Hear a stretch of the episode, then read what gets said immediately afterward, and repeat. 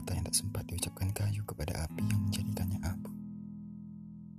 Aku ingin mencintaimu dengan sederhana, dengan isyarat yang tak sempat disampaikan.